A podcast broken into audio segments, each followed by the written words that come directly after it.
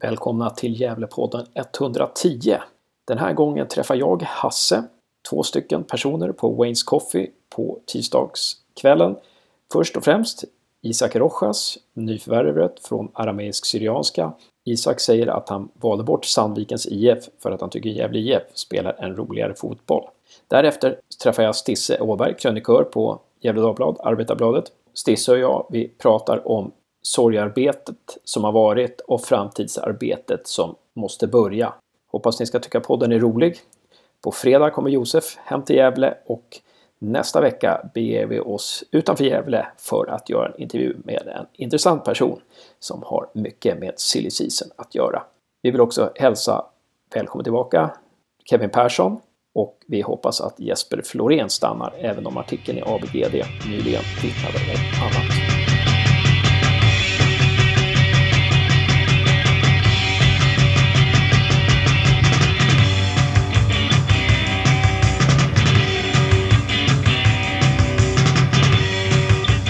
Välkommen till Gävlepodden, Isak Rojas. Tackar, tackar. Uttalar jag ditt namn rätt där? Ja. ja. Det är nämligen så här att min faster är gift Rojas. Jaså? Så att vi kanske är släkt. jag är ingift. Nej. Ja. Men det är kanske är ganska vanligt namn i det är väldigt vanligt latinamerikanska... Namn. Ja, det är det. Hur länge har du bott i Gävle? Jag kom hit 22 augusti. Kom hit. Okej, okay. så att det betyder att du har varit här hela höstsäsongen nästan? Ja, i princip. Mm. Du spelade i armeisk syrianska då Heter det det? Ja, arameisk syrianska. Syrianska, ja just det. Från Botkyrka. Ja. Och du har spelat med dem tre år eller? Mm, det blev väl, får se, fjärde säsongen nu blev det. Mm. Äh, som jag körde halva säsongen. Just det. Och då, att du körde halva säsongen, var det det att du kom in och sen sa du att uh, du går in på studierna och så, så höll det inte att spela fotboll samtidigt, eller hur? Ja, var det, det, var, det var väl dels det. Um, jag, var inte, jag var inte riktigt överens med, med ledningen och hur de hade skött laget och sådär. Du såg ju, de trillade ju ur nu i serien.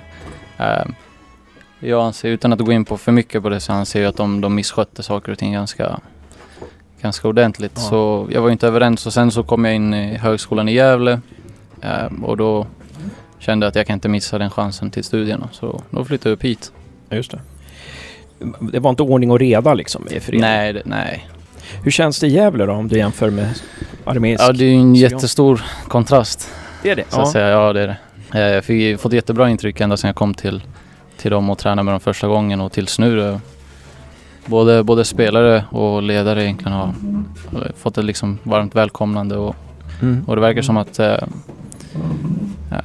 äh, de runt omkring klubben de sköter den väldigt väl och det verkar fått liksom proffsigt intryck av det. Mm. Ja, vad kul. kul.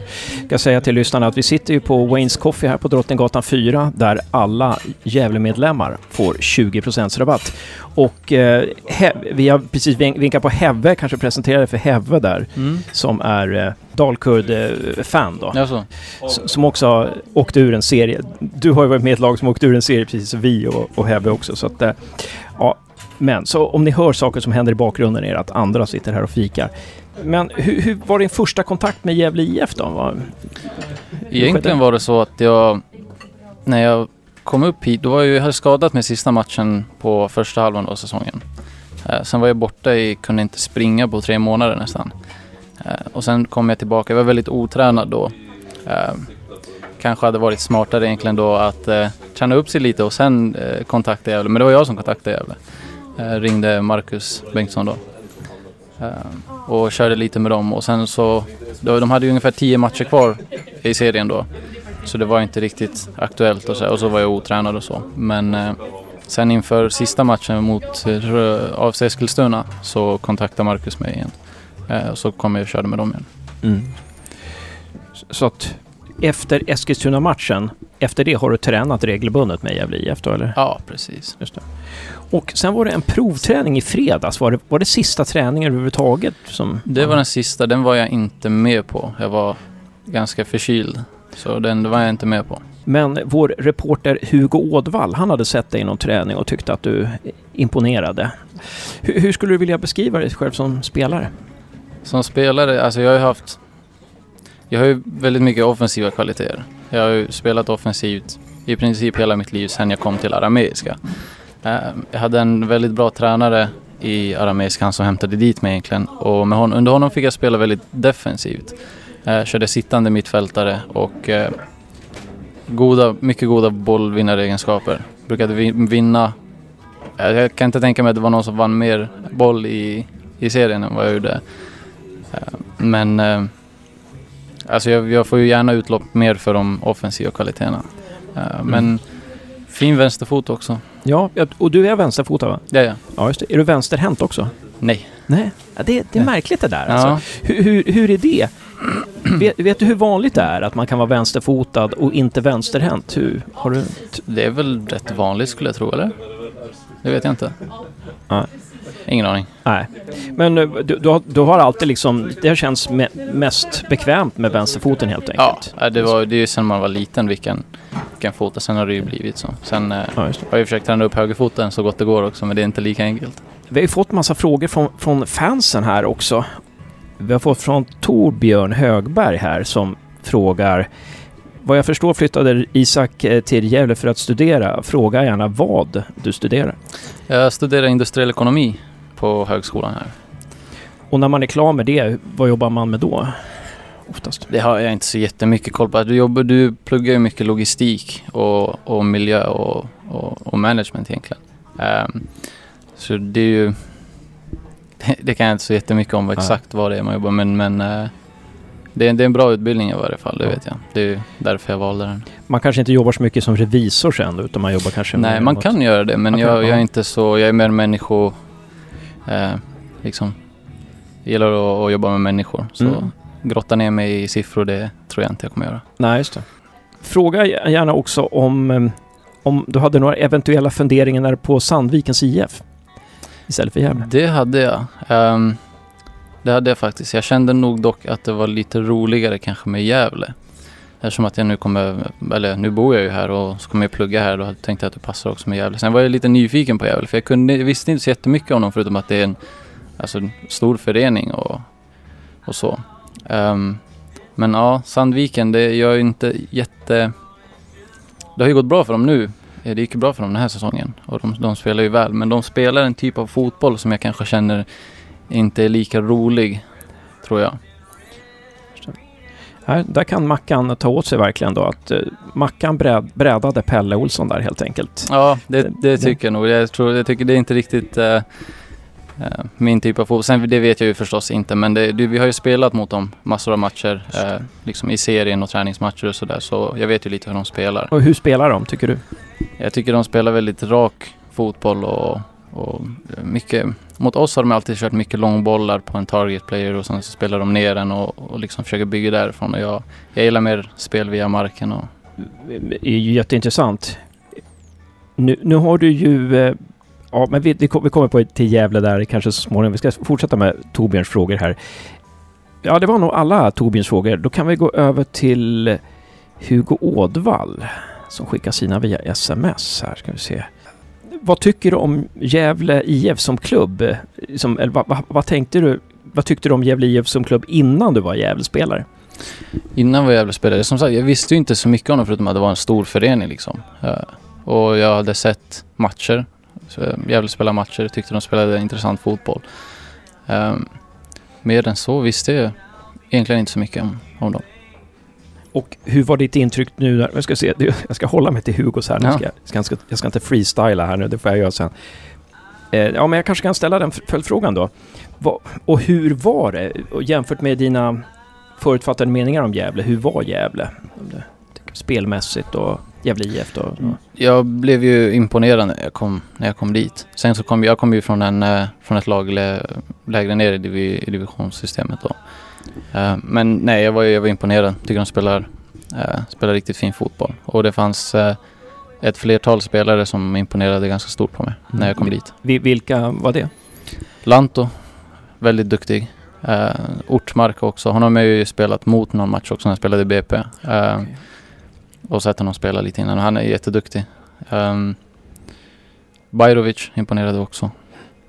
Mm. Uh, ja, det fanns flertal. Ja. Som, det är intressant är att vi är lite så här bortskämda med Lanto. För att men för många som, som jag pratar med så här, som kommer och ser Gävle någon gång, de, de just också tycker att Lanto är så jäkla bra. Mm. Men alltså, vi, vi, väl, vi har alltid vant oss att han, han är alltid som han är ja. på vis. Men, så det var intressant. Ja, det kanske är lite personlig fråga här, men kommer du plugga du på heltid eller blir du, liksom, blir du avlönad av Gävle IF? Eller hur? Jag blir, jag blir avlönad av Gävle men eh, jag pluggar som sagt på heltid. Det gör jag. Just det, men en viss, viss procent. Så. Men det, det är inte så att du skulle kunna leva på fotbollen? Nej.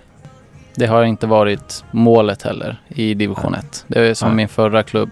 Eh, förut kunde jag jobba, då pluggade jag inte som sagt. Men det har inte riktigt varit målet. Det, jag är mer här för fotbollen, inte för att... Och det, tyck, det tycker jag inte någon borde vara i division 1 heller. Finns det några klubbar i division 1 som har bara heltidsproffs? Eller, den här det finns det. Alltså, från vad jag vet, det här är ju eh, ryktesväg då egentligen genom spelare som känner spelare i exempelvis Västerås när det här året de gick upp. Eh, och året innan där de satsade, där Brage gick upp istället. Eh, så hade de väldigt höga löner på ett flertal spelare. Och de kan, kunde ju gott och väl leva på, på det. Mm. Sen huruvida det stämmer, det kan jag inte svara liksom hundraprocentigt. Men, eh, men det, nej, det är inte många klubbar tror jag. Det är ju, I så fall om en klubb har ganska bra ekonomi och de hämtar dit en spelare som, eh, som kommer högre uppifrån. Då, då kan det ju hända ofta att, att de klarar sig på det. Vi fortsätter med Hugos frågor här. Var bor du någonstans i Gävle? Jag bor i, jag ska se vad det heter. Brunns... Bomhus? Nej. Jag bor nära Söder. Du bor nära Söder där okej, det, det kanske är ställen som inte jag känner till. Nej, det är lite bakom eh, Söder sådär. Um, så är, ja. är, är det där vid... Uh, är det nära, ska säga, komvux? Där? Nej. Ingen aning. Det ligger precis vid en skola där vet jag. En jättestor skola. Okej. Okay. Så det är mellan ungefär... Mellan fjärran höjder och söder skulle jag säga. Det är där, där ja, någonstans. Ja, jag kan som sagt inte nej, än så mycket. Inte jag heller. Jag avslöjar, jag, jag avslöjar mig lika okunnig på Gävles stadsdelar som, som du. Så att, ja, det är inte så lätt. Nej, precis. Eh, vad vet du om Gävles supporterkultur? Frågar Hugo då. Ingen aning faktiskt. Um, jag har inte så mycket koll på det egentligen. Alltså de klubbarna jag har kommit från där, så där har vi ju haft liksom på derbyn har vi haft liksom mycket folk. För då har det varit exempelvis arameisk-syrianska mot assyriska eller mot syrianska då. Eh, oftast borta matcher så är, det, så är det mycket folk. Men annars så arameisk-syrianska har ju inte haft eh, riktigt supportrar ja, på det sättet. Det finns ingen supportkultur inom den föreningen så jag är ja, inte van med, med något sånt. Valsta syrianska då? Är det... De är väl från... Vart är de ifrån? Inte de från Örebro? Skulle ja, jag tro. det är så alltså. Någon, någonstans. Okay. De är okay. inte från, eller de kanske är från Stockholm, det jag vet inte riktigt. Det, det var inte klack sådär i, i armeisk-syrianska, man hade ingen... Nej, klack. det var ju folk på matcherna förstås, men ja. det var ingen, alltså som sagt, sportkultur fanns det ju ingen. Det var det inte. I division 1 där som du, har, som du har varit, som mm. du har spelat i nu några år. Visst, en parentes, visst var du med och spelade upp dem? Också det var jag. Mm. Så du vet hur det är att vinna en serie? Yes, vi åkte upp, eh, var det 2016 var det. Och sen hade vi faktiskt en riktigt bra säsong eh, 2017. Um, hade vi. Uh, då hade vi ju en annan tränare förstås. Um, som jag, jag tyckte var väldigt bra. Och sen, vem, vem var det? Albert hette han, Krasniki. Han, okay. uh, han gick sen till Assyriska och nu vet jag inte riktigt vart, vart han är. Men han, uh, han utvecklade mig ganska mycket känner jag. Var det han som tog upp er 2016? Ja, det var det. Och var hos er 2017? 2017, När ni kom precis. åtta i serien? Ja, precis. Mm. Just det, men sen så sen försvann han då. Mm. Okej. Där ser man att en tränare är ganska, ganska viktig. Absolut, det, det skulle jag nog säga. Det hade, jag hade mina, mina tankar kring det där, om det var så viktigt att ha en, liksom, en, en rejäl tränare och sådär. Men ja, det gör ju stor skillnad, absolut. Mm. Vad är det tränaren gör framför allt, tycker du? Vad, vad, vad är det, vad, var är det en tränare kan göra skillnad? Med rätt förutsättning kan, kan han ju utveckla spelare individuellt. Om han eh, får liksom rätt förutsättning så kan han ju göra det. Eh, jag kände ju att jag fick ju lära mig väldigt mycket om, om mitt eget spel och eh, inse vad jag är bra på, vad jag behöver jobba på och sådana saker. Sen för laget Ja, jag vet inte. Det, om du har en riktigt bra tränare som... Då känner du att när du går ut på plan och så har du liksom en, en sån tränare kanske i ryggen. Så får man lite extra pepp inför matchen om vi säger så. Så är det absolut. Sen är det ju spelmässigt, det är ju tränaren som väljer hur, hur laget ska spela och så. Så det är ju förstås viktigt. Om man säger så här då. Vad är den, utan att nämna någon namn, vad är en dålig tränare? Alltså en dålig tränare, vad, vad är tecken på en dålig tränare? Tecken på en dålig tränare? Någonting som du inte vill ha av en tränare? Ja du, det... Där du känner liksom att ah, här blir jag sämre, här blir laget sämre eller? Ja, det är väl alltså... Jag har ju haft problem kanske, tycker jag, med tränare som inte ser använder eh, lagets resurser på rätt sätt. Alltså inte ser vilka spelare som funkar för vissa saker och sådär. Och det är ju, ibland händer det att tränare ser saker eh, som man själv inte ser. Så händer det ju. De är ju tränare av ett skäl. Men det är ju hänt att jag spelat i lag där jag känner att kanske vi, man inte använder lagets resurser på rätt sätt och man inte spelar på kanske på rätt sätt. Det måste, det, det måste vara jäkligt frustrerande som spelare då? Att... Det är det. det. Det är det. Eh, för man vill ju alltid att det ska gå, gå bra för laget. Eh, jag är ju väldigt så att jag på plan så jag, har varken på träning eller på matcher så jag har ju inga vänner på plan utan det är liksom det är lagets, eh, lagets bästa som, som står framför allt. Mm. Men hur, hur gör man då som, som spelare om man känner så här nej men den här tränaren använder inte laget på rätt sätt. Kan man, håller man det inom sig eller pratar man med sin pappa och mamma eller vad gör man? ja, man kan ju kommunicera till tränaren men sen man måste ju känna vilken sorts typ av person och vilken tränare det är. Vissa tar inte åt sig det och vissa kan liksom föra en dialog och sen så säger de om, om de tycker att man har fel då, så då får man höra det och, och så vidare. Ehm, men vissa tränare går inte riktigt att och säga någonting. Sen är det ju en auktoritetsfråga det där också. Alltså det är, som spelare, visst man, man, klart man ska ha saker att säga till om men i grund och botten så är det ju tränaren som, Mm. som styr och ställer. Men en bra tränare kanske öppnar upp också för en diskussion.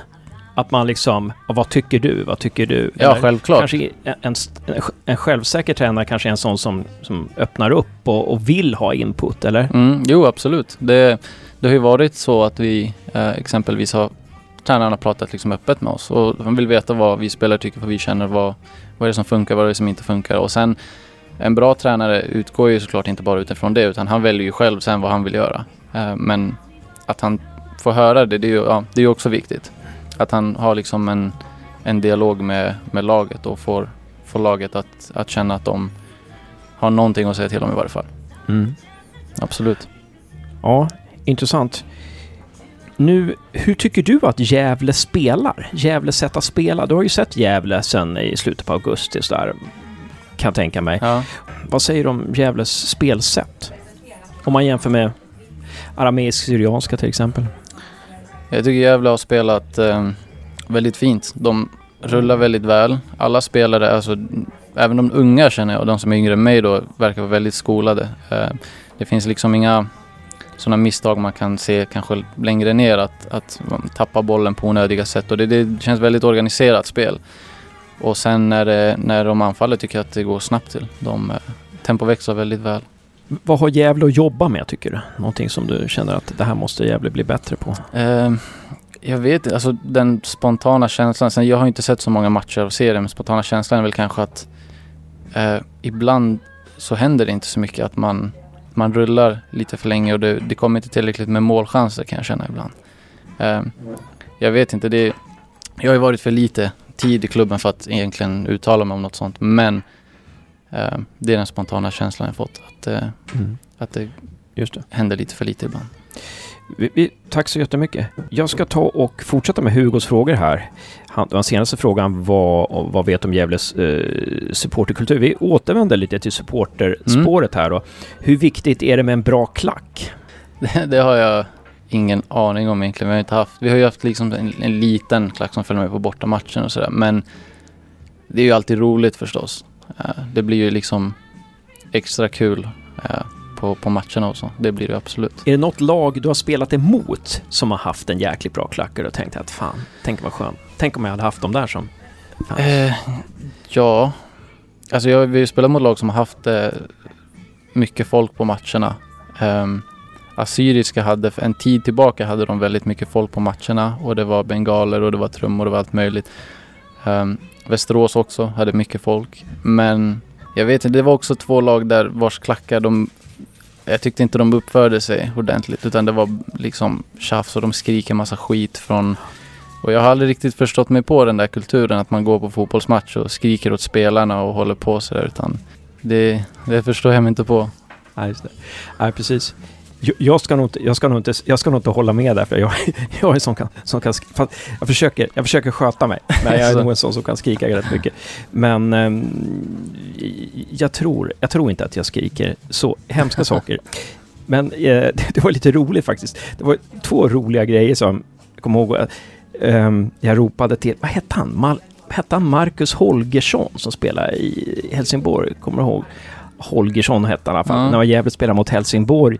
Han hade uttalat sig i pressen innan och sen så ledde Gävle med 2-0 eller 3-0 och sånt där. Och så ropade jag Hur är det nu då Holgersson? Och då gjorde han så här. Då gjorde han liksom tecknet så här med handen då att ja, kom si kom sa.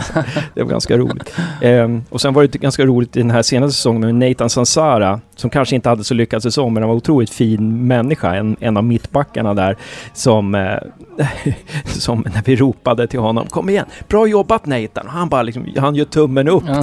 det, det, det, är sällan man ser det liksom. Ja, och det faktiskt. kanske man inte ska göra liksom som spelare. Jag vet inte vad du säger. Det kanske... Ja, det, kanske man... ja jag har väl svårt för det. det jag personligen måste jag hålla liksom fokus under matchen. Jag börjar fokusera på saker runt omkring då, tapp, då kan det hända att jag tappar mm. fokus. Så är jag i varje fall. Ja, precis, precis. Det, det kanske är, det beror på vilken, vilken slags person man är kanske. Ja, precis. Det finns ju de som har eh, kan hålla fokus eh, utan problem. Så jag måste verkligen hålla mig fokuserad under matcher. Sån är jag. För eh, det, det, det har hänt de matcher jag kommer ihåg sen efterhand att jag kanske eh, underpresterat eller presterat mindre bra. Då är det för att jag tappar fokus. Inte på grund av något annat egentligen. Hur ska en tränare vara under match då, tycker du? Liksom leva sig in och ropa sådär eller ska man sitta på bänken och ta det lugnt, eller hur? Jag gillar tränare som, som lever sig in i matchen och som eh, kan skrika sönder en spelare om inte han tar jobbet. Jag tycker om sådana tränare. Mm. Eh, gör man inte, tar man inte jobbet ska man få höra det eller bli utbytt. Och eh, Nej, jag gillar tränare som lever sig in i matchen, det Men kan det inte bli för mycket då? Om tränare ropar massa instruktioner under match? Att det liksom sätter jo, man förstås. Det är, man måste hitta en balans där såklart. Absolut. Men eh, nej, jag har, nej, jag tycker nog inte om tränare som bara sitter ner och, och som inte säger någonting och så. Nej, men tränare då i så fall som understryker saker man har kommit överens om kanske? Att ja, precis. Liksom... Sen att man går och ger olika instruktioner under match och så, det kanske inte funkar om man ska stå och skrika på plan. Men har man kommit överens med någonting och inte följer planen, eh, då det kan kosta en dyrt om man ska vänta till halvtid innan man får höra någonting. Du vet. Mm. Så att, eh, nej, då tycker jag man ska få höra det. Om vi återvänder till 2016 när ni vann då division två norra eller norra Svealand? Det eller vet jag inte om det var norra eller sö ah. Norra var det. Var det? Tror jag. Ja. jag minns inte riktigt. Nej, men ni, ni, vann en serie i alla fall. Vad är det man måste ha för att vinna en serie? Om du tänker tillbaka där. Alltså det är väldigt, så, så som jag ser det i varje fall, så det vanligaste i svensk fotboll, så som jag kan se det, är att det är väldigt svårt att hålla ut hela serien. Att, få, att lag blir bekväma och att, för om du kollar, alltså jag har ju sett eh, massa tabeller där lag har vunnit serier och ofta så är det inte så stor poängskillnad. Det är väldigt det är aldrig någon som drar riktigt ifrån. Och då får jag en känsla av att lag, eh, att det är mentalt. Mm. Att det är svårt att hålla ut hela serien och, och liksom. Eh, så jag tror det är väldigt viktigt att man tar sig ur, om man får en svacka eller så, man tar sig ur det direkt. Och jag tror den mentala biten, inte bara för laget utan nu individuellt också, mentala biten är jätteviktig. Så att ett lag som vinner serie har färre svackor, helt enkelt? Ja, inte nödvändigtvis färre svackor skulle jag tro, men också att de tar sig ur dem. Att det inte blir något långvarigt. Utan, eh, och att de inte slappnar av framför allt. De aldrig känner sig bekväma. Varje match är en final liksom. Precis. En seriefinal de som spelade i det laget som, när ni gick upp där som, som du liksom har gått högre upp i seriesystemet? Någon eh, spelare? Det vet jag inte. Det, tror inte det är någon som har gått högre upp i, i systemet. Det tror jag inte. Det, vissa stannade kvar i division 1 och vissa gick till andra division 1-lag. Um, ehm, jag kommer att tänka på... Det fanns ju väldigt duktiga spelare. Vi hade en spelare som gick till Akropolis uh, i samma serie sen. Um, men nej, jag vet inte riktigt. Nej tror inte det var någon egentligen som gick så högt upp. Ja, just det. Nu ska vi se, vi ska se om Hugo Ådvall hade några fler frågor här. Eh, har du någon gammal Gävlespelare, någon gammal Gävlespelare som du har som favorit? Eh, eh, ja, Gävle spelade ju 12 år i Allsvenskan så här. Någon som du kommer ihåg som, är, som gjort något intryck? Nej, eh, tyvärr inte. Eh, det har jag inte. Jag har inte så mycket koll på... Jag tror att när jag var runt kanske 16-17 så tror jag jag tröttnade på på fotboll lite, inte på spelare men du vet, i skolan och vänner och så, allt de pratade var fotboll och sen ska man titta på Premier League och La Liga och allt möjligt. Så jag ser i princip aldrig på fotboll, varken svensk eller utländsk. Det, det, det är roligare att titta då och då bara istället, annars blir det för mycket. Du spelar istället? Ja, så jag har inte så jättemycket koll på varken allsvenska klubbar egentligen eller Just. fotboll i allmänhet. Och jag ska tala om för dig att Hugo Ådvall är eh, en 12-årig kille som har varit med i podden mm. flera gånger och han skriver även artiklar på Svenska fans. Så right. att, uh, han kommer nog göra intervjuer med dig uh, framöver, kan Kul. jag tänka mig. Ja, men då... Vänta, det var någon på forumet också som hade skrivit några frågor där. Ja, eh, det här är en fråga från Viktor Rimba på forumet som frågar vad har kommunicerats till dig från klubbledningen gällande målsättningen, klubbens målsättning?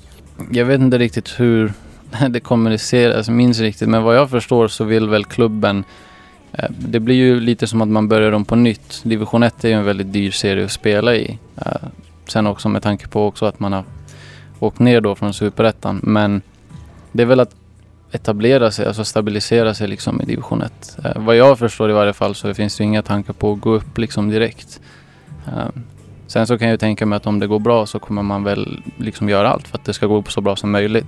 Mm. Men jag tror nog inte det är målsättningen direkt att, att gå upp direkt, det tror jag inte. Om du skulle jämföra Gävle IF nu med, det här är inte Viktor Rimbas eh, fråga, det här är min fråga, men om du skulle jämföra Gävle IF nu, som då, när du har tränat med Gävle sedan, ja, sedan några veckor tillbaka och eh, armeiska syrianska från förra året som kom åtta. Vad skulle mm. du säga där? Uh, hur tänker du? Ja, jag tänker liksom styrk, lag, lagets styrka så här. Är det, ja, åtta är ju ganska starkt ändå. Åtta i en 16-lagsserie. Um, jag tror att det är realistiskt att Gävle skulle kunna hamna där om du jämför med Ja, det som, jag tror det allt beror på eh, vilka spelare man värvar in och hur man får ihop laget. Eh, det verkar ju vara väldigt organiserat Gävle. Jag tror de har alla möjligheter. Eh, jättefin arena, jättefina eh, faciliteter, eller ja, hur man nu säger. Eh, jag tror de har alla förutsättningar för att det ska gå bra. Det tror jag. För att nå den styrkan som, som arameiska syrianska hade förra året, vad, vad, vad, vad behöver vi få in då, tror du? Vad är viktigt att få in i laget? Jag tror det är viktigt Spån. att ha spelare som, som inte spelar för sig själva. Målgörare kan man alltid ha, men man måste ha folk som är med på noterna och spelar för laget tror jag. Vi, hade, vi jobbade väldigt mycket det året. Eh, då kunde vi hamnat så högt som femma eller fyra tror jag. Men vi förlorade de två sista matcherna och då åkte vi ner till åttonde platsen. Eh, så vi hade en, en väldigt bra säsong men vi jobbade väldigt mycket med teambuilding och blackbox-mentalitet och allt vad det heter. Vi jobbade jättemycket med det och det tror jag hade en stor effekt till varför det gick bra som nykomlingar i, i den serien. Och det tror jag är viktigt att man, att man gör i den här föreningen också. Vad hade ni för spelsätt då? Vi spelade 4-2-3-1 den säsongen. Vi rullade väldigt mycket boll. Jag tror vi rullade ut i princip um, alla lag i serien. Sen vårt problem tror jag att vi var väldigt um, ojämna. Vi kunde vara väldigt, väldigt bra en match och sen så kunde vi sjunka en annan match. Men annars så, vi rullade väldigt mycket boll. Vi, det var inte mycket långbollar och så. Brage vann ju serien då. Mm. Hur, hur, gick det mot Brage då? Eh, Brage, det, nu, nu ska, måste jag vara ärlig. Det var, måste vara de två absolut absurdaste matcherna jag varit med om. Den ena, att vi blev bestulna på båda matcherna. Helt otroligt. Eh, första matchen fick vi tre röda, tror jag. Och den andra matchen fick vi jag vet att deras anfallare drog ner vår, våra backar i, eh, eller han drog ner en back i straffområdet och petade in bollen och det, ja. Jag, jag förstår inte hur en, hur en, en domare i division 1, eh, att det kan hända så två matcher då. Det finner jag jättekonstigt. Ja. Jag, jag, är inte så mycket för ursäkter men just ja. de två matcherna det är det ja. faktiskt otroligt. Är det sådana matcher som fortfarande att du kan tänka på dem och Ja, ja. Det, bli upprörd? Ja, det, absolut. Alltså det, det kan ju hända att man jämför dem när det, när det har hänt andra matcher som varit liksom så här, som det känns orättvist. Så, så är det såklart att man tänker tillbaka till dem. Ja. Absolut. Kan man tänka sig då att domarkvaliteten är lite sämre i division 1 än i superettan? Jag vet ju inte hur den är i superettan riktigt, men eh, det är väldigt fram och tillbaka tycker jag i division 1. Det finns väldigt bra domare och sen så finns det domare som jag tycker mindre om. Absolut. Jag har alltid varit som jag varken pratar med domare eller försöker övertyga utan liksom, det är det är domare, han gör ju sina val. Men jag tycker att det har varit för dålig nivå i division 1. Mm. Det tycker jag. Tror du att det är viktigt eller man ska säga kan man göra någonting? Kan man, är, är det några slags spelare man måste ha på plan för att liksom kunna kommunicera med domaren eller liksom Jag sådär? vet inte riktigt. Alltså, domare har ju alltid... Med kaptenen har lyckas ju oftast kunna prata med domaren och domaren tar, liksom, kan föra en dialog. Sen det är ju från domare till domare. Vissa vill ju inte höra ett ord och andra kan föra en dialog och förklara liksom, Mm. varför han gör som han gör och så vidare. Men jag tror att vi Armé Syrianska hade problem med det för att eh, det är ju en invandrarklubb. Eh, de, jag tror att det var ett par domare som kanske inte tyckte om oss riktigt. Tråkigt, tråkigt. Vad säger, var Brage bäst det året, förra året? I, i, i Eh. division 1? Eller tycker du att liksom, Västerås var minst lika bra eller fanns det? Ja, Västerås hade inte så bra säsong förra året eh, tycker jag. De var, de var väldigt bra i år. Var Mm. de. Men Men inte förra året? Nej, de imponerade mycket mer på mig det här året. Vad var det förra året som inte gjorde, som gjorde att de inte var så bra? Jag vet inte. De, de spelade en, vi mötte dem i, på försäsongen förra året. Då slog de oss med 5-0. Och det kändes som att möta ett allsvenskt lag. Det var precis samma spelare. Då var, vi, vi, var ju inte, vi hade ju inte fått ihop laget än. Men fortfarande, de var riktigt bra. Sen när serien började, då slog vi dem första matchen med 2-0. Då slog vi dem borta också. 2-1 tror jag. Okej. Eh, Men det var inte alls samma lag. De spelade inte alls på samma sätt. Eh, Den här säsongen däremot har de, tycker jag de har övertygat. Hur spelade de den här säsongen? Det är lite intressant med att Johan Mjällby var tränare i Västerås förra året. Ja, Men hur spelar de nu i år? nu är de, de gör inget konstigt. De spelar väldigt eh, organiserat tyckte jag. Eh, de gör inga, inga konstiga saker. De har duktiga spelare. Känner att det laget jobbar verkligen för, alltså, tillsammans. Känner jag. Mm. Det är en stor skillnad från förra året. Just det. Ska vi se här. Viktor Imba här. Eh, Just det. Eh, vad, har du, vad har klubben Gävle IF kommunicerat till dig när det gäller spelsättet? Det har, jag har inte fått någon info om det än. Det är väl kanske för tidigt. Eh, Serien har ju precis tagit slut för, för Gävle egentligen och sen så eh, har de ju, kan jag tänka mig, mycket arbete inför nästa säsong. Så det har, det har vi inte kommit in på än. Och spelar, spelartruppen är inte satt än, så det kanske... Nej, precis. Slutligen då, sista frågan från Viktor Imba. Hur har Gävle IF kommunicerat, pratat med dig om din roll i laget? Det har vi inte heller kommit in på. Vi har inte pratat eh, så mycket om det. Var trivs du bäst? Det där är lite, det är lite svår fråga faktiskt. Eh, för jag har ju spelat på mittfältet och det har funkat väldigt bra. Sen, eh, sen så kanske jag inte alltid vill vara så defensiv som jag har varit. Men jag är bra på, på att spela defensivt också. Så ibland får man nästan köpa det. Men jag tycker om att spela på kanten också. Jag är snabb, teknisk. Eh, jag har bara inte fått utlopp för det eh, på match på ett tag. Jag vet inte riktigt. Mitten funkar bra. I, I princip vilken position som helst på mittfältet tycker jag. Kommer, brukar du komma ofta till avslut eller är du snarare framspelare, eller hur? Det har varit snarare framspel. Har det varit. Men det är ju för att jag har haft en så defensiv roll i Armé Syrianska. Men jag tycker, jag tycker alltid om att anfalla. Jag älskar det. Är du bra på att utmana en mot en? Ja, Ja, men jättebra. Väldigt intressant första snack eh, med dig, Isak. Jag tror att vi kommer att eh, återvända till dig många gånger under nästa säsong och kolla, kolla läget lite. Ja, sådär. Kolla hur det går i plugget och så måste vi kolla upp, vad heter den där stadsdelen egentligen? Eh, Ja. det, kommer säkert, det kommer säkert lyssnarna, det kommer de säkert säga direkt när de har hört det här. Men eh, återvända lite till division 1 norra här nu då. Alltså det var, det var någon jag pratade med här om division 1. Eh, Vi pratade, ja, vi pratade med Suad Groda som var lagkapten i, i Nyköping. ja. Som har spelat i Gävle IF förut. Eh, Har du något minne av honom? Eh, nej, Nej. faktiskt inte. Men hur var Nyköping som lag? Nyköping var, kände jag lite som oss. De kunde vara väldigt bra en match och sen så kunde det vara mindre bra en match. Det var alltid... Det var jobbigt att möta dem egentligen för de, var, de kunde man inte slappna av mot. De, eh, de var ganska bra offensivt. Eh, jag kom på lite fler frågor. Så här, är Aramé Syrianska då? Finns det några, är det några spelare där som du tycker Gävle borde värva? Har du fått den frågan av Gävle förresten? Nej, det har jag inte. Um, det finns ju... Nahir Oyal är ju fantastisk spelare. Han gick ju till Syrianska nu. De gick upp till Superettan förstås. Uh, fantastisk spelare. Ja, men han, stod, han stod ut? Ja, han har ju spelat... Uh, han var ju i Djurgården när han var yngre också, så han, okay. han har ju spelat högre upp. Okay. Det, det, är en sån spelare som min son hade tagit direkt och känt igen. Ja. så att jag saknade honom här.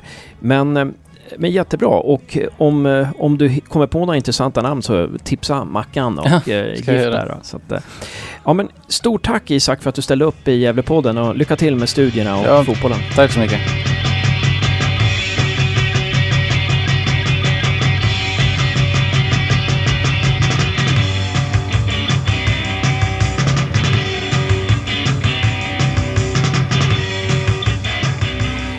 Välkommen till Gävlepodden. En ära som alltid. Stis Åberg. Kul att vara här igen. Tack för det. Eh, roligt och vi sitter här på Waynes på Drottninggatan 4 där alla Gävle IF-medlemmar får Gävle IF fotbollmedlemmar får 20% rabatt. Och eh, jag har frågat Stis om han vill ha någonting att äta men han ska hem och äta snart. Så mm. nu sitter vi här och eh, jag har bara ett glas vatten framför mig där. Men jag tänkte så här att vi, vi har ju i podden så har ju vi ja, så i flera månader på något vis eh, pratat om vad som har varit, vad är det som har hänt, hur kunde det gå så här? Och när du och jag pratade lite här innan så sa du så här, ja men det är ju ett slags sorgarbete om jag får liksom lyfta den eh, bara så här. Och det, det, tyckte jag var så jäkla bra formulerat. Vill du utveckla det? Nej men det, man hamnar väl i den, den, känslan då om man då håller på ett lag och vill en förening väl och, och till slut tar liksom en, en, en drömslut på något sätt. Jag förstår liksom att det, det är inte bara att, att det här laget inte är på högsta nivå. Hela klubben hotas på olika sätt med alltså ekonomiska eh, problem då. Eh, och hur ska man bearbeta det? För det, i sorgarbete är det ju också tyvärr så som blir att man letar syndabockar lite grann. Och det ty tycker jag kanske det, eh, vi alla sticker iväg åt olika håll där faktiskt. Eh, ja, för mig är det ju alltså Gävle IFs, om vi ska säga fall, jag ska inte kalla det för fall riktigt eller eh, det, det, är en, en ska säga, det är olika, olika, olika omständigheter. Ibland är rätt person på rätt plats, ibland fel person på, på fel plats. Det som jag kan vakna upp mitt i natten av och tänka. Och det som jag har ältat liksom ganska länge, det är ju det här att jag tycker att man borde ha, när det gick så dåligt, när man sparkade Mjällby, att man skulle ha tagit in en annan tränare som hade kunnat visa vägen, låtit Marcus få tid lite i skuggan där. För då tror jag att det hade varit en större chans med att klara kontraktet och klara aktie, eh, aktieprojektet här. Vad säger du om det? Ja, nu är vi där igen, ska jag säga. om, vi hade, om de hade gjort så här, vad hade hänt då för någonting? Va? Då kanske hade vi suttit här och varit lite smålyckliga igen då. Men eh, kanske vi ska släppa det där på något sätt, eller? Så ja. Alltså. Ja, ja, precis. Ja, nej, det var inte meningen att bryta hela eh, stämningen här inne men... Nej, men, nej, men, men, det, men, det är helt rätt. Liksom, jag måste försöka släppa det där. Liksom. Jag måste, ja, det är helt sant. Det är helt sant. Jag måste försöka släppa det där. Eh, och, och då kommer vi liksom, vem, vem tog beslutet där och varför tog de det beslutet? Varför mm. gjorde de inte så här för? Mm. Alltså det är, så kan man se det, en fotbollsmatch oändlig. Varför tar de inte det beslutet? Slår Basting dit istället när man vet att man ska göra det? Va? Det, det är kanske till och med svårare att ta besluten kring vem som ska vara tränare, hur man ska bygga ett lag och sådana saker. Mm. Ja, precis. Det kanske, det kanske är fruktbart till en viss gräns att bearbeta och, och man, man, får ju man får ju hoppas att styrelsen och, och ledningen bearbetar och vänder på stenarna och sådär. Eh, men som supporter kanske det är lika fruktbart att hålla på och älta där som att älta om man har eh, liksom, tappat bort sitt kreditkort. Varför var jag så jävla dum? Ja, eller gjort något annat dum kanske. Ja, precis. Ja, precis. Nej, men så vi lämnar det och vi försöker se framåt då. Jag kan ju säga så här ja, då, eh, eh, som, som, alltid om, om vi ska leta några olyckliga saker så, så tycker jag att man nu sitter med en, en väldigt intressant och framåtlutad klubbdirektör i, David Norell Hussein där. Eh, som man unnar att komma in under en annan tid. Men samtidigt så får han, han vara med om att bygga någonting nytt. Va? Det kan inte bli sämre. Man, ja, ja det kan, nu tog jag väl i kanske, men man hamnar, man ska ju spela i, i division 1 i alla fall. Va? Och, och så långt ner har inte Gävle IF varit på hur länge som helst. Då. Eh, urusla ekonomiska förutsättningar. Eh, samtidigt som vi har sett den här eh, supporter-sponsor-grejen har ju gett väldigt bra utfall som jag ser det. Vad, vad, Över 400 000. 400 000, mm. alltså 130 personer ungefär då. Som eh, verkligen med hjärtat vill Gävle IF väl. Va? De där pengarna kommer, kommer ju vara en stor del i, i att klubben räddas då och kan spela i, i division 1 och inte hamna längre ner. Ja, just det. Hur tror ja, jag, är förv jag är mm. förvånad mm. över, över det eh, gensvaret faktiskt. Även om jag är, är en av dem som, eh, hoppas inte någon lyssnar som jag ska ge julklappar, som har eh, gett dem de här pengarna. Men jag tyckte, ja, ja, det måste, jag måste betala in min bit också av alla mm. eh, kul saker jag fått vara med om och skildra kring Gävle IF. Men jag är förvånad ändå, så många personer. Ja, jag har också betalat in och jag kände det att ja, man måste ju, måste ju göra det. det är ju, jag, jag, jag vill göra det och jag, jag hade inte kunnat se mig själv i spegeln om jag inte hade gjort det. Helt enkelt. Men, men det finns någonting där mm. som, som tittar ja. framåt och inte mm. bara tittar bakåt många som vill att, att klubben ska finna, finnas på, på en, respektabel nivå också. Va? Sen är frågan eh, hur man nu utnyttjar det här, eh, de här pengarna och framförallt hur man utnyttjar det tålamod som jag hoppas byggs upp nu. Nu, nu handlar det om, om det tråkiga ordet tålamod egentligen. Va? Det, det handlar inte om att studsa tillbaka från, från den här division 1 för det kommer man inte att göra. Det kan jag säga på en gång. Lika lite som man skulle studsa tillbaka i, eh, i allsvenskan. Nej, precis. Men då är det ju så här då att tror att det har hämmat David Norell Hussein och Mackan Bengtsson och Malin Roström och styrelsen i övrigt att man har haft den här pressen på sig, att det har liksom varit uppförsbacke från ruta ett den här säsongen. Att man liksom har haft en press på sig. Ja, det är klart man haft en press på sig. Det är ju, alltså, det är ju inte det, det härligaste att vara ordförande i Gävle IF som, som åker ur en serie till. Det är inte roligast att vara klubbdirektör där och, och, och eh, framförallt är det inte speciellt kul att vara tränare heller för ett lag som åker ur igen. För jag, jag inbillar mig där att nu när vi pratar här så, så tänker jag att Nej, det, det, alltså det, det, kan inte vara så välgörande för en som tränare att, att man ska försöka implementera en spelmodell, peppa spelare, när man samtidigt också har en sportchefsroll och ska värva spelare eh, och så vidare och så vidare.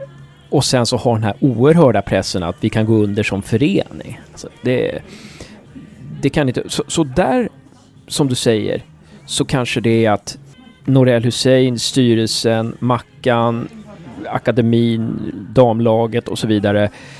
Att man eh, ja, att man får starta om från noll, att man kan börja med axlarna nere lite inför nästa säsong. Ja, alltså det, det, det är ju aldrig bra att åka ur en serie. Men jag drar gärna parallellen till när, när Gävle IF åkte ur. Alltså då hette det division 1 tror jag faktiskt. Man gjorde, gjorde en topprestation och var väl 7-8 i division 1 hösten 99. Och ändå åkte ner i, i det som var, hette division 2 då. Hon spelade i division 2 Holland faktiskt. Då, förresten, jag ska säga, då var faktiskt GIF och SCF på samma nivå. Eh, men spelade i olika serier den gången. SCF eh, spelade i någon sån här Svealandsserie. Annars är det ju, alltså, när, vi, när, när vi då längtar till nästa säsong så är det mig vetligen första gången sedan 86 man möts i derbyn sen. Just det, det är, det är så länge sedan alltså. Mm. Ja. Men i alla fall, jag drar gärna parallellen till, till, till det. Då hade man Pelle Olsson tränare. Eh, man hade ett eh, ska säga, ett, ett, lag av, av, vad ska vi kalla det, inom Gästriklandsspelare eller hälsängar. En stomme egentligen som var, som var egentligen för bra för att åka ur serien men, men eh, absolut var för bra för att spela i den här Norrlandsserien. Och gjorde ju rent hus där innan man vann kvalet mot BP. Vilket var en kvalitetshöjare då faktiskt. Mm. Men jag tror, alltså, nu, nu handlar det för Gävle om att göra, göra samma resa egentligen. Va? Förutom att man ska tänka lite längre att, man, att man, det här är en svårare serie man hamnar i nu med SEF och de här lagen. Mycket, mycket svårare. Det som vi hade då, det var ju dock att Stefan Lundin hade varit i klubben eh, ett tag, hade satt en spelmodell. Pelle Olsson hade kommit in som eh, prao-elev och eh, men vi hade, vi hade utvecklat en spelmodell under flera år. Och det, där är vi ju inte riktigt nu va? Nej, nu har det varit ett totalt virrvarr de senaste säsongerna ska jag säga. Eh, eh och kan, man kan väl ändå vara, vara, lite... Johan Mjällby tillförde ju inte någon stadga vad det gäller spelsystem, om jag uttrycker mig lite försiktigt där. Va? Nej, just nej, det var kanske väldigt hårt också. Jag vet inte. Nej, men du förstår vad jag menar. Det mm. var, han, han, var, han var absolut inte rätt tränare för Gävle i det fallet. Eh, och nu har man liksom, nu får man leta den spelmodell som man vill ska liksom vara, vara eh, standarden de närmaste åren. Mm. Och, eh, och det tror jag liksom man får utgå från egentligen från de spelarmaterial man får också i den här serien. Vi pratade med Thomas Ahlbäck ifrån, ifrån eh, Kalmar panelen i P4 för några, för några veckor sedan. Och han sa det att det viktigaste för Gävle IF nu, det, det, är att anställa en sportchef. För en sportchef kan ta ut den sportsliga riktningen. Eh, det, ni ska inte leta en ny tränare, ni måste ha en sportchef. Kan det också vara en, en ryggrad så småningom som vi behöver få in? Så att det inte blir en klubbdirektör som ska scouta eller en tränare som ska åka riket runt och samtidigt eh, leda ett lag. Vad, vad säger du? Ja, vi kan ju ändå dra parallellt till Pelle Olsson. Han hade ju den rollen i Gävle under lång tid. Va? Eh, Marcus Bengtsson måste växa på sig ytterligare om man, om man ska komma upp till, till, till Olssons nivå. Men, men, även Olsson var, var eh, lite, lite grönare än vad han är nu som, som tränare en gång i tiden. Och då, då hade han den här, den här dubbelrollen egentligen. Mm. Eh, så att eh, vi får se vad, vad Bengtsson kan, kan, om, hur mycket han har i sig egentligen. Mm. Men det, det, vi vet det är att det är ju en, en, eh, en person med, med en, en Gävle bakgrund och ett, eh, jag får kalla det hjärta som klappar för gift. En äkta Gävle människa Så en helt helgjuten person så. Eh, alla, alla intervjuer gör man, han ger ett väldigt intressant intryck där. Va? Sen är det alltid svårt att veta om han som tränare kan förmedla det här och, och, och skapa ett, ett lag av det. Men det, det fanns väl ändå tendenser under hösten att han, han hade någonting i sig där tycker jag. Mm. Vi försöker, fortsätter se framåt då. Om, alltså, då när vi åkte ur till division 2. Var det 99 vi åkte ur och så vann vi serien 2000? Ja, stämmer det. Och så gick vi upp i Superettan 2001. Okej, men vi, vi, hade, vi hade byggt en ryggrad under många år då på 90-talet som på något vis eh, ja, sen låg alla, alla, alla stjärnor låg rätt. Vi hade en ganska homogen grupp, vi hade ganska många ledarkaraktärer. Nu har vi en ganska ung trupp, vi har inte satt en spelmodell sedan flera år tillbaka. Eh, finns det något positivt med det? Ja, det är ju, det är framförallt är det ju väldigt svårt. Jag menar, jag satt bara och kollade hemma. Jag skrev en artikel förra veckan hur många spelare Sandvikens IF hade under kontrakt. Jag tror jag hamnade på 18 eller 19. Lite os osäker faktiskt. Och Gävle IF, vad, vad, vad har de? 6, 7, 8 personer under kontrakt egentligen. Varav eh, hälften är sådana som ändå kan försvinna. Och det där är ju tror jag, det problemet för, för GIF och Marcus. De kommer inte att veta vilket lag de kommer att ha inte ens när de kör igång och tränar, vad är det, 6 7 januari. Så eh, där ligger man ju liksom. Det, det, det, är därför jag säger att man kan inte ens ställa krav på dem. Det kommer bli ett mittenlag i, i division 1-serien som bäst. Ja, precis. Men det är alltså det är den enda vägen. Det finns ju inga pengar. Man kan inte köpa upp ett lag. Man måste, man måste hitta, eh, eh, måste hitta unga spelare eh, som, vill, som alltså vill vara i Gävle och Gävle IF som tycker att det här, det här vill jag vara med om. Alltså, som absolut inte har, har eh, no, någon nivå som gör att de är intressanta för, för större klubbar, alltså i Superettan eller, eller i Allsvenskan. Utan här får man liksom plocka ihop eh, eller plocka ihop, det var fel ord egentligen, men alltså söka de karaktärerna. De som vill vara med på den här resan som Gävle ska göra nu. Som kommer att ta fyra, fem år kanske. Mm. Vi, vi skulle ju behöva få in några rutinerade pjäser. Vad tror du, kan man tänka sig att Hugo blir, går, kommer in som målvakt eller reservmålvakt? nej, men, nej, men där, däremot, mm. där har du ju helt rätt. Va? Mm. I det här laget som ska byggas så måste man få in någon riktigt stabil. Och jag skulle säga positionerna handlar om mittback eller, eller central mittfältare. Han behöver inte vara, han behöver inte vara lastgammal. Eh, han måste bara ha eh, kvaliteter som, som, som kommer från att han spelar på, hög, på rätt hög nivå faktiskt. Och han måste ha en karaktär och en, en ledar, vara en ledargestalt. Va? För det, det är ju också, ut, ibland utgår det från de här personerna vad, vad laget men det, det, är lite Åshöjden. Eh, vad hette, vad hette han som kom till Åshöjden där? Just ja, nu det. ja, nu har jag Ja, precis. Ja, alla, alla ja. de där. Ja, ja visst. Va? Ja. Edvard var ju med, det var väl bröderna? Ja, men han var ju stjärnan vet du. Ja, just det. Ja. Och så var det Edvard Det var, det var ju någon som kom från, från AIK i alla fall. Ja. Ja. ja. Vi ska inte trötta ut de, de unga läsarna med detta. Nej, precis. Nej, men det var en intressant fråga. Ja, ja. men alltså det, det, det, det där och, och, och de få pengar man har måste man lägga, lägga för att få, få loss den här personen. Och, och eh, li, lika mycket som det ska vara en bra spelare måste det vara en väldigt bra karaktär. En som, som får känslan att, att det är jag som ska det är jag som ska eh, leda det här unga laget. Mm. Och det är alltså de positionerna, mittback eller, eller, eller central mittfältare. Ofta är det från de, de eh, rollerna som den här eh, eh, karaktären ska, ska jobba utifrån. Behöver vi inte fler karaktärer? Jag tänker centrallinjen där, alltså man ska, målvakt, mittback, central mittfältare, att man tänker där på något vis. Alltså, och, där, och där tänker jag att August, Sarko och Lanto hade ju varit otroligt viktiga den här säsongen. Ja, det var kvar. ja det, det, har du det har liksom rätt i. Men samtidigt, jag menar, uh, har du en, en förhoppningsvis en Viktor Frodig också kvar. Som, som jag ser som en, en som en framtida Hugo egentligen. Mm. Sen, ja, men nu har inte han signat nytt kontrakt än. Nej, precis. Men det är på svar på frågan där liksom så. Mm. Ja, precis. Honom skulle jag vilja se i laget faktiskt. Det är en sån där som skulle så, vill vara med på en sån, sån resa faktiskt. Kan man tänka sig att man eh, hör av sig till eh, Oskar Larsson, gamle, som bor i Tierp nu och som, eller har han lagt av med? Nej, han sitter väl, han har väl lagt av den, den biten så att eh, Nej, det han, han har lagt handskarna på hyllan? Ja, alltså. ja precis. Han okay. jobbar på en affär där tror jag. Så att. Just det. Nej, men, men, men hur, hur, lätt, eller hur får man ta på de här, sådana här?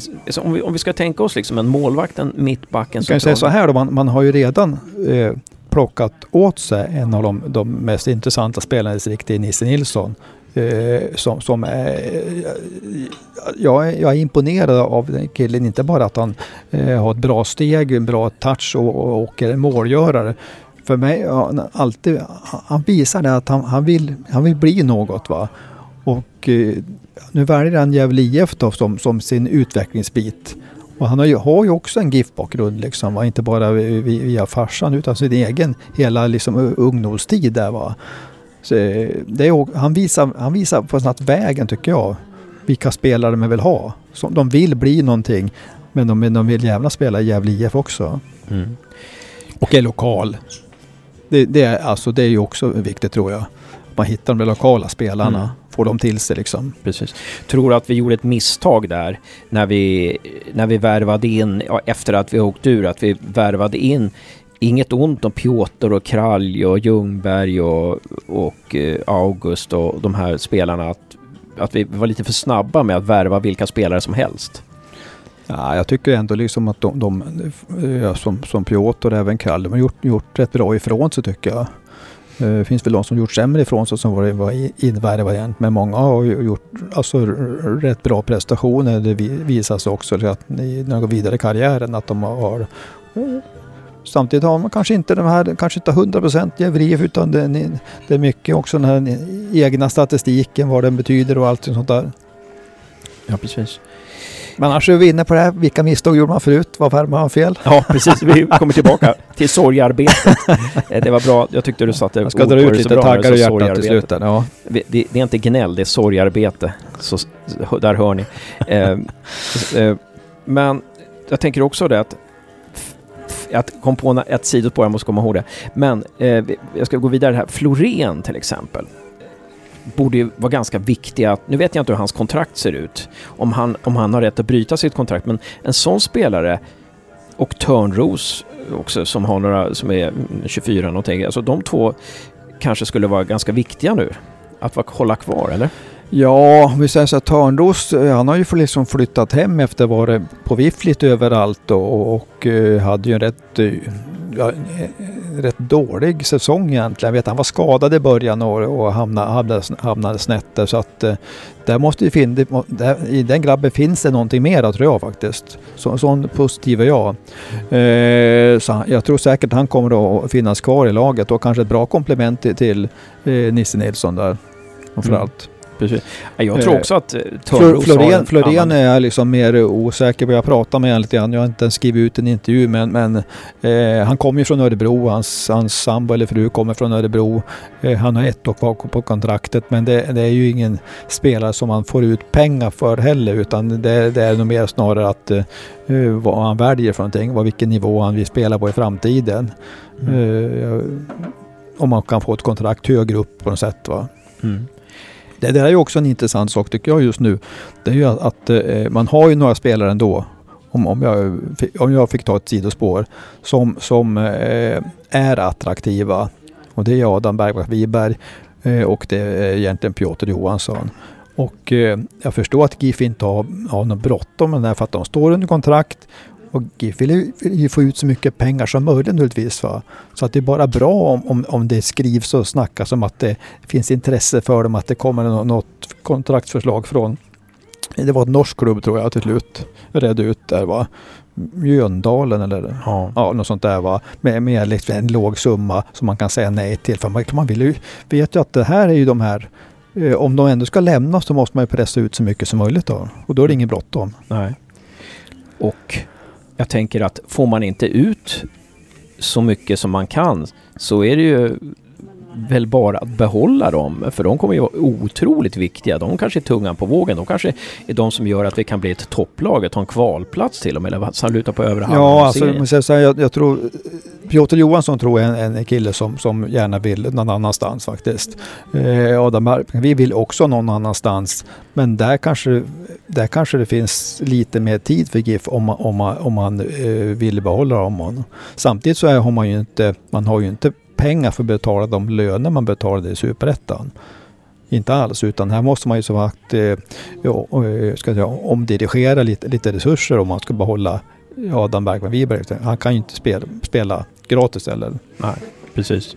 Du tror man måste skriva om hans kontrakt i så fall? Jag tror att jag skulle tippa på att han har ganska låg lön eh, ändå. Så att, eh. Jo, men sen, sen, sen måste ju vara de... Eh, han, han, får ju ändå någon slags ska säga, stjärn status egentligen vad som gör att eh, eh, det är klart man kanske skriver om kontraktet eh, på, på, ett annat sätt. Va? Men, men det resonemanget, mitt resonemang handlar om att då, om de här killarna ska sticka va? så vill GIF få ut så mycket pengar som möjligt för dem. Mm.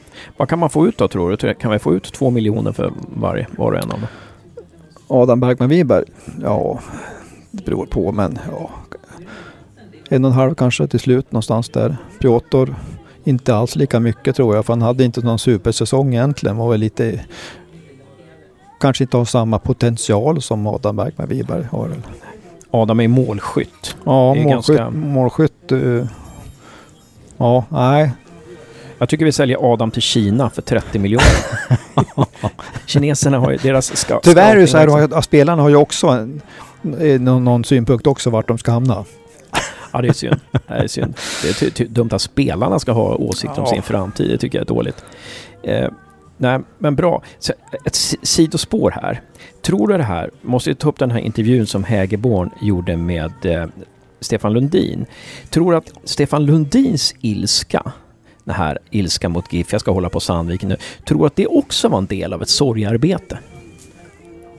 Ja, kanske det. Eh, jag menar, Stefan Lundin eh, kom kommer från den här trakten. Visserligen kommer han spela egentligen i Brynäs i början faktiskt.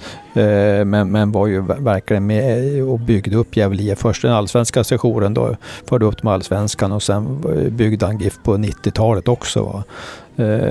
Så det, det, var väl inte det första han sa i intervjun tror jag, att jag håller på SCF tror jag, utan det, det, tror jag att det kom längre fram i ett resonemang egentligen. Det var. Men det är klart att han, han han tycker väl att man har, har tappat bort någonting egentligen. Då. Uh, och, det, då måste jag få uttrycka det. Men uh, alltså jag, har, jag har lite svårare att få, få leta de här, de här syndabockarna och sånt. Jag tycker det, det handlar mycket om att eh, till slut tar, tar en era slut. Va?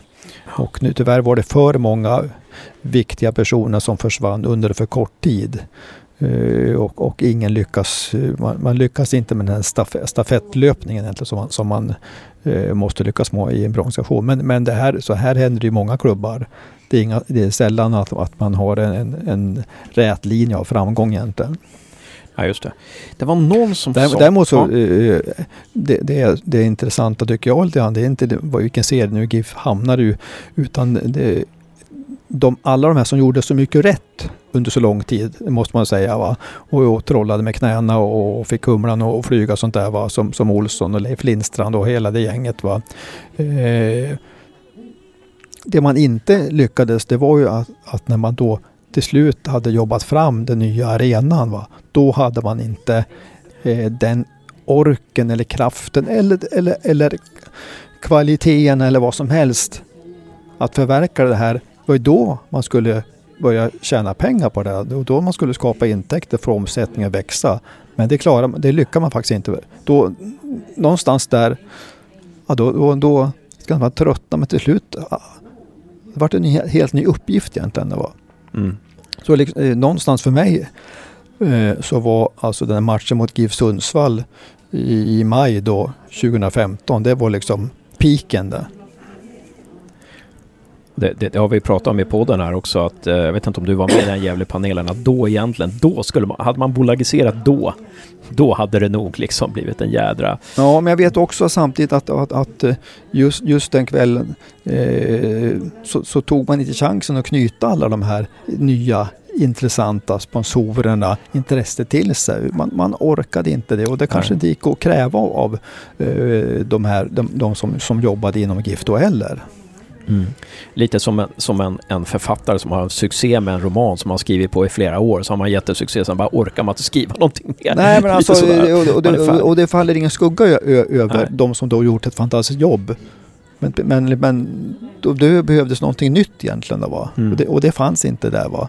Då, eh, jag, jag, tycker det är trist liksom, när, när man då fick den nya arenan. Va? I Faserland kunde man byggt en träläktare på, på Strömvallen då, även om jag, även jag var emot det. Mm. Sen, sen, sen, har ju inte GIF den traditionen heller. Det är annat med Brynäs IF i hockey på något vis. De har vunnit, massa, de ska vara där uppe i toppen. Det finns ingenting annat. Medan GIF har inte den här, tror, var ska vi vara egentligen? Eh, det är fortfarande nytt att var, ligga så här många. Oj, nu låg vi ännu ett år i Allsvenskan. Ja. det hade vi inte räknat med. Eh, och, och, så att, eller IFK Norrköping, att man, man, ja, vi ska upp dit igen på något vis. Va? Jag tänkte det är ganska vanligt det här med arenorna. IFK Norrköping åkte ut tror jag det år där arenan, mm. den ny, nya parken var invigd. Eh, Öster åkte ur samma år. De var uppe ett år med Myresjös arena åkte ner igen och varit nere sedan dess. Ja, och så vidare och så vidare. Så det är inte helt ovanligt det här fenomenet då. Men det var någon som jag pratade med jag kan fasen inte komma ihåg vem det var. Någon som pratade med mig eller som skrev till mig som sa att Pelle Olsson, varför var inte Pelle Olsson och Leif Lindstrand och det gänget, varför scoutar man inte liksom en, varför såg man inte till att slussa in en tränare? Nu fick ju väl Pelle det här erbjudandet av Djurgården när säsongen var slut, men, men varför liksom försökte man nej, inte det fick han inte. Men, det fick han nej, inte? Nej, nej, det fick okay. han inte. okay. eh, men, men så kanske inte var. Men, men varför slussar man inte om man känner att ja, men Pelle kanske är på gång sådär, att, att, varför känner man inte av läget och slussar in en tränare sista halvåret eller någonting som, som Norrköping gjorde där, där Jens Gustafsson gick parallellt med Jan Andersson ett halvår till mm. exempel.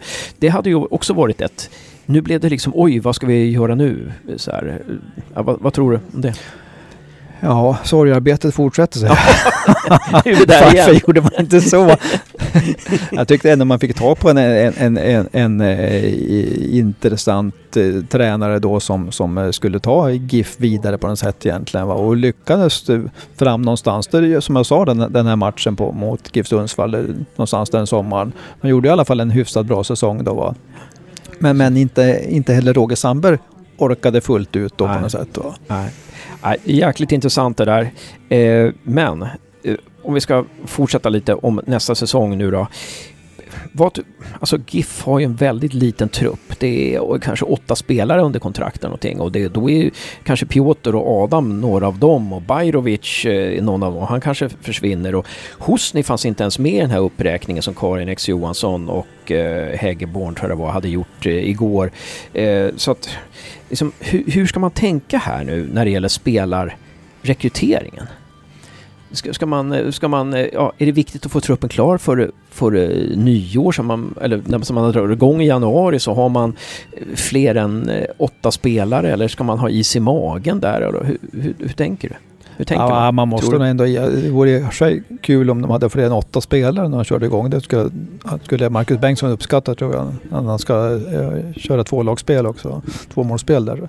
Men nej, jag, som jag sa tidigare, man, må, man måste nog utgå från att det här kommer att ta lång tid att hitta de här spelarna egentligen. Va? Och, och eh, då det, handlar det om att inte vara desperat utan det är bättre att vänta ut någonting då för att få de eh, spelare man vill också. Och ibland, ibland sådana som kanske inte får förlängt kontrakt någon annanstans men vill, vill få en, en nytändning då. Just nu känns det ju synd att vi skeppade Hjälte till SIF. Ja, precis. Men eh, halva, halva SF består ju av tidigare GIF-spelare nu. Om, om jag snabbt bara... Han har fler kompisar där. Kal kalkylera. Ja, mm. Belander, Hjälte, Hellström. Ja, Marcus Egg har väl också röt, rötterna i GIF en gång i tiden också. Mm. Bör Gävle höra av sig till Makondele? Kan det vara en spelare som... Nej, man kan väl höra av sig och önska god jul tror jag. Men jag tror inte man ska försöka få han, få han med i, i laget. Nej, det tror jag inte. Även om det är en skön typ. Men eh, han, han eh, om, om, man inte, om man inte tar en plats i Olssons Sandvikens IF och då är alltså Makondele, eh, vet jag, en av Olssons favoritspelare eh, under, under lång tid med det han presterar. Då tror jag inte att GIF ska försöka få tillbaks eh, René eller Även om det är en god, god typ. Mm. Adrian Bjelkendal Haranen eh, klippte vi kontraktet med, eller hans kontrakt har gått ut. Ciucios kontrakt har gått ut. Är det två stycken som man skulle kunna ta tillbaka? Ja, Chucho han, han såg jag i korridorerna för några veckor sedan. Eh, så att eh, han vill säkert tillbaks på något sätt. Va? Sen om han vill till GIF eller SEF. Va? Vi kommer ju få den här eh, om vi liksom bara ytterligare ett stickspår då. Den här dynamiken är ändå att vara på samma nivå som Sandvikens IF. Även om det, som jag gjorde en intervju med Pelle Olsson, att det hade ju roligare om, GIF, om SCF hade gått upp och de mötte Superettan. Eh, men nu, är det, nu, kan, nu blir det här som kittlar ändå tycker jag, den här, när de ska mötas faktiskt. Och, eh, det är inte så att jag tror att det kommer vara fullsatt på, på Gavlevallen, men det kommer vara rätt fullsatt på, på Järnvallen i alla fall. Just det. Och visst var det lite folk i att det är derby på Galevallen, GIF SCF. Ska jag säga 3500 i alla fall. Ja, ja. Det, det vore ju häftigt. Tror du att man kan lägga dammatcherna samtidigt? Jo, man kan säkert. Eller inte samtidigt, men samma dag liksom. Eh, man kan säkert, men jag tycker man ska låta bli. Därför att eh, de levde sitt eget liv i, i fjol. Eh, man hade över tusen personer på derbyt på Järnvallen, SCF mot, mot GIF då. Så att det där ska man inte blanda ihop. Då tjän, alltså dammatcherna tjänar inte dugg på, på... De hamnar tyvärr i skuggan då och de är absolut värda sin egen identitet faktiskt. Mm. Intressant.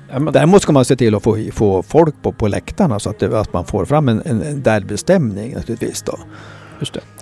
Men man kan ju också se, nu, nu blev jag, det var lite terapi där, du får nästan fakturera mig Stisse för det här, när, och sitta och prata med dig här. För det kan ju bli lite kul också. Eh, att det, eller kul, det kan bli lite, det, alltså det är lite spännande. Ja men alltså, vad, vad, som, inte så som man, säger, en nystart. Så, men inte, måste man inte eller som tänka så? Det, väl, det går ju inte att, att vrida klockan tillbaka ändå va. Uh, sen, sen kan jag ha ett perspektiv, i långt perspektiv också. Så uh, om, om jag ska dra ner dig i träsk igen faktiskt en gång till, så det får jobbigt igen. Det är att, att GIF kanske inte kommer tillbaka på den, den högsta nivån uh, på, på lång tid va. Jag tror att, att IF Eh, Eh, de har, de har en kurva som inte pekar spikrakt uppåt men det, det är en kurva som tydligt pekar eh, uppåt i alla fall. Va? Och de kommer, eh, jag är övertygad om att spela i Superettan inom, inom två, tre, fyra år faktiskt. Va? Mm.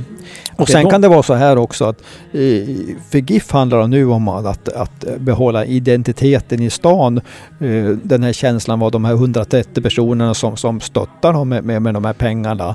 De företag som finns, för annars blir de uppätna av, av Brynäs IF som, som finns runt hörnet där va, som tar, tar allting då. Eh, och då kommer de svårt att få, få eh, nå konkurrenskraft mot, mot SEF och mot andra lag i serien. Samtidigt kan det ju vara så när två träter så växer sig båda starka. Liksom. Man blir beroende av varandra. GIF kanske har saknat en tävlings, tävlingsbroder, en tävlingssyster, en tävlingsmänniska vid sidan om. Alltså AIK och Djurgården har ju vuxit sig starka av varandra. Alltså det, kan, det kanske kan vara någonting sånt där också. Jo, men det har du, det, liksom det, det har du också rätt i. Det är det, det jag menar, det här, kanske, det här kanske är bra för fotbollsintresset för, för, för Gävle IF också. Att man inte tar det för givet att de ska, ska väl ligga i de här serierna utan nu handlar det om en kamp och nu har man, nu har man eh, eh trätobrodern SCF på, på två mil västerut va, som, man, som man ska slå egentligen. Då. Så att det, det kanske också plockar fram både det är någonting i klubben men, men även kanske engagemanget runt omkring. Det är därför jag säger att de här derbymatcherna blir ju, blir ju spännande, de intressanta. Mm. Om vi ska ta avsluta lite med damerna som slutar fyra sitt första år i division 1, som är en helt suverän insats nu eh, har man, nu har man plockat till sig någon spelare och man har några spelare som är kanske på väg ut sådär.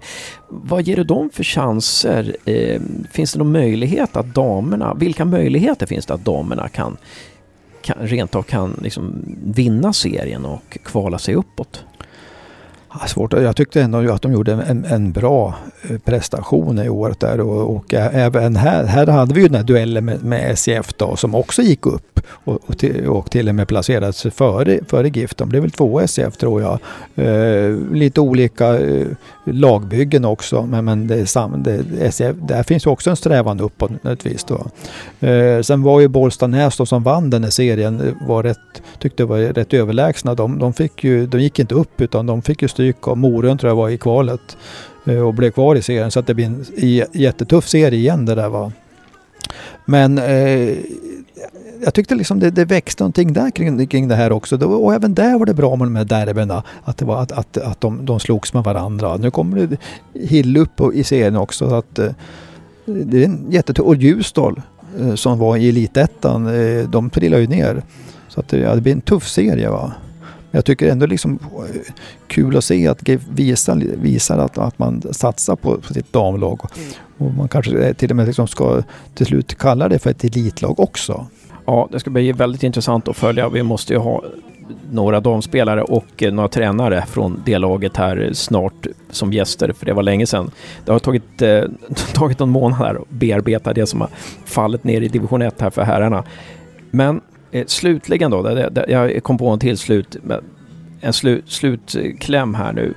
Men ofta lag som går upp har ju någon slags strategi, har ju någon slags hit ska vi och det finns en vision sådär.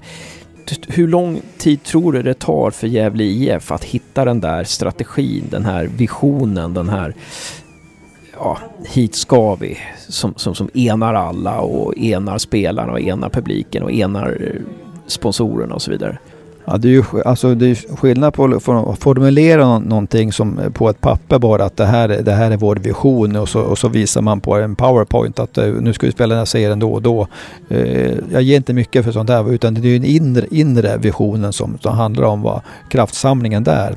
Eh, och den tror jag liksom redan har påbörjat då, med, med klubbdirektören, med eh, Marcus Bengtsson som jag vet är, är jag ska inte säga heltänd på uppgiften. Det var ju fel att säga om en kille som har tränat lag som åkt ur. Men alltså han, han har ambitioner med, med, med, ett lagbygge. Så att det har redan börjat där. Uh, men det kommer att ta lång tid. Väldigt lång tid. Men även här vill jag liksom plocka in de här, de här eh, uh, 130 personerna som har visat sitt intresse för GIF. Oerhört viktigt. Det är de man ska marken se till att, att man, man har nära sig i fortsättningen också. Som bland annat du och jag alltså? Ja, sådana som du och jag, precis. Nej men alltså det finns, det, det, ja, ursäkta men det finns viktigare personer än, än dig det kan jag säga. Men det, är ju, det, handl, det handlar om ett nätverk det i stan bland vanliga människor, bland företagare och, och eh, passionen för Gävle IF. Nog så viktig. Mm. Börja, börja nätverka med den lilla skaran och bygg, bygg utifrån det. Ja visst. Eh, så att det kommer att ta lång tid för Gävle IF den här, den här gången. Eh, jag vet inte om, om, om eh, jag får uppleva GIF i Allsvenskan någon mer gång egentligen. Men, men jag skulle oerhört gärna vilja se dem spela i Superettan igen och gärna i konkurrens med, med SEF. Stort tack Stisse för att du ställde upp i Gävlepodden. Har vi glömt någonting tycker du? Ja, vi har väl glömt jättemycket men, men om, vi, om vi försöker släppa det som har hänt nu och titta framåt så... Precis, det ska vi verkligen göra. Eh, Var ska du fira julen? Jag firar den hemma. Ja. Ja, på Skomakargatan. Ja, på, det blir en, en skål från balkongen där. Jag har, bara, jag har alltså bara en balkong i trapphuset. Va? Så att, eh, men eh, är det så, då ska jag fixa det. Ja. Vad önskar du i julklapp då? Eh, att jag blir bättre i min högra fot så jag kan börja springa igen. Det hade varit lite djupt det där. Ja. Nej, men det, Ja. det är Jag kan, få, jag kan ta en bok också. Ja, ja okej. Ja, men vad bra. Ja, men, men eh, jättebra. Vad önskar jag med julklapp då? Ja, det var väldigt svårt att ställa den frågan till mig själv. Jag önskar mig en... Eh, jag önskar mig en ny kavaj. Jag trodde det skulle bli nå- någonting helt annat men det var ju intressant. En ny kavaj. Ja, Ja, men helt grymt Stisse. Ha en riktigt bra jul och, och, och fint nyår så ses vi 2019. absolut. Tack så mycket.